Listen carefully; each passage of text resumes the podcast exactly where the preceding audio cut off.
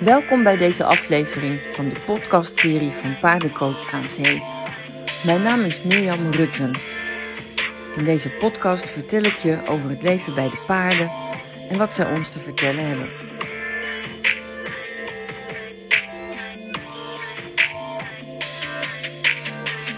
Een podcast over hechting.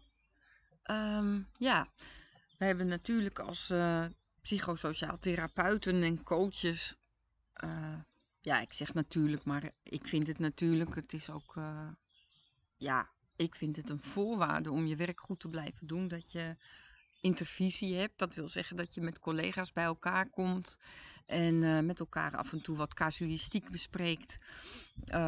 dingen waar je zelf tegenaan loopt, dingen die je moeilijk vindt, met elkaar delen. En um, ja, het is een, een, een, tandje eenzaam beroep en intervisie zorgt ervoor dat je professioneel kunt blijven en uh, elkaar kunt steunen in het werk.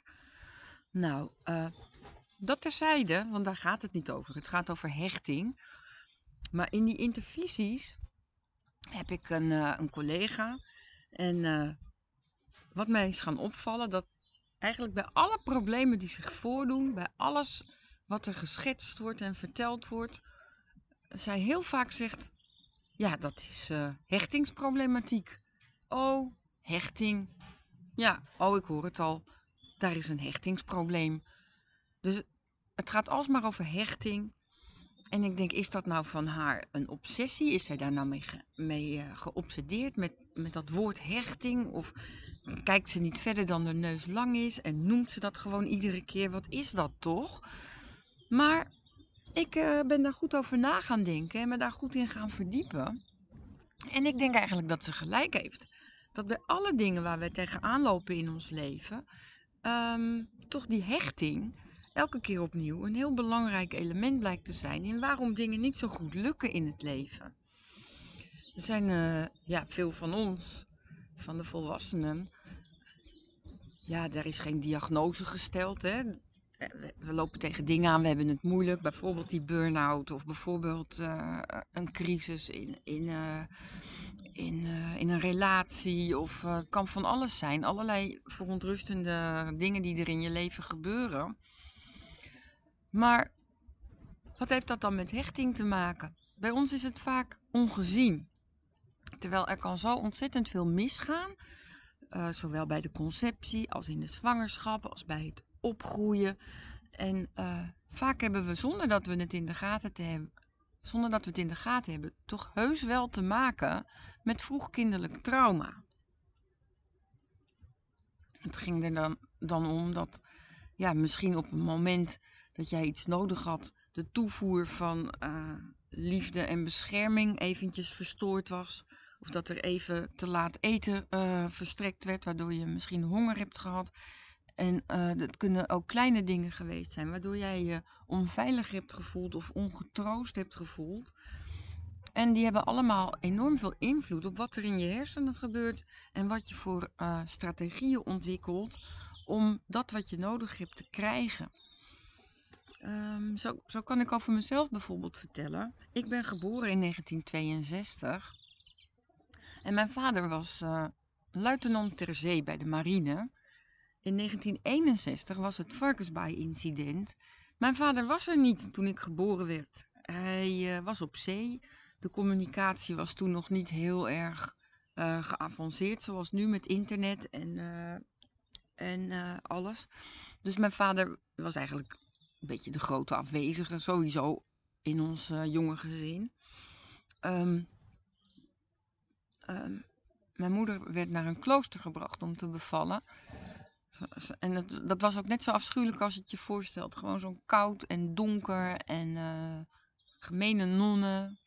Waar uh, ja, functionaliteit eigenlijk voorop stond. En uh, affectie en affiniteit met, met de jonge moeders was er niet.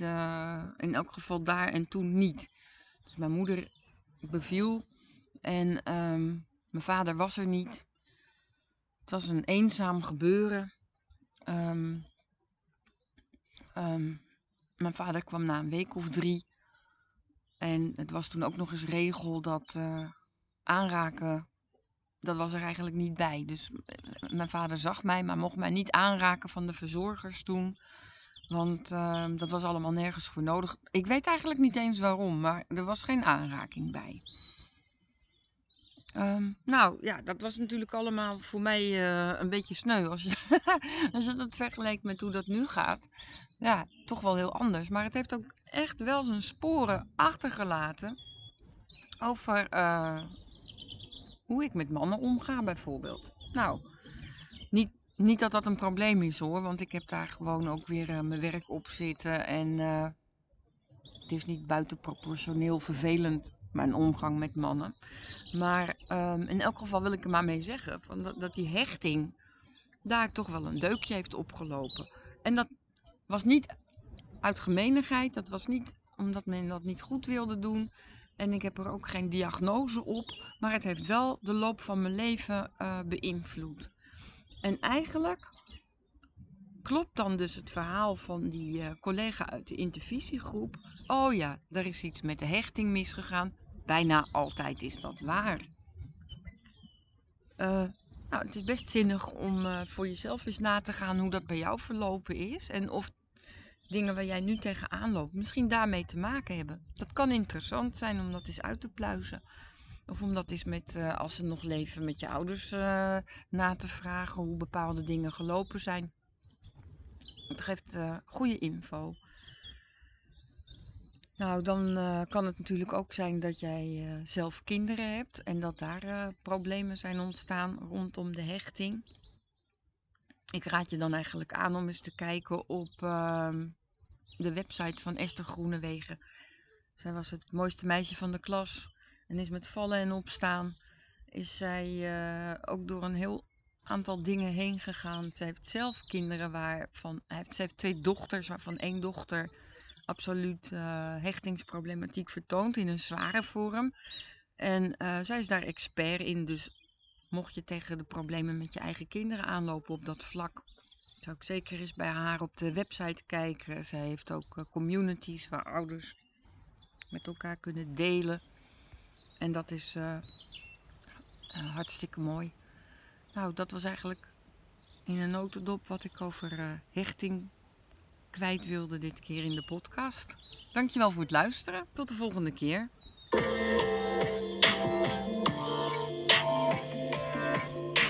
Ben je geïnteresseerd geraakt in het prachtige werk met de paarden? Kijk dan ook eens op onze website paardencoachaanzee.nl of volg ons op Facebook Paardencoach aan Zee. We zitten in Noordwijk. Hoop je te zien. Dag!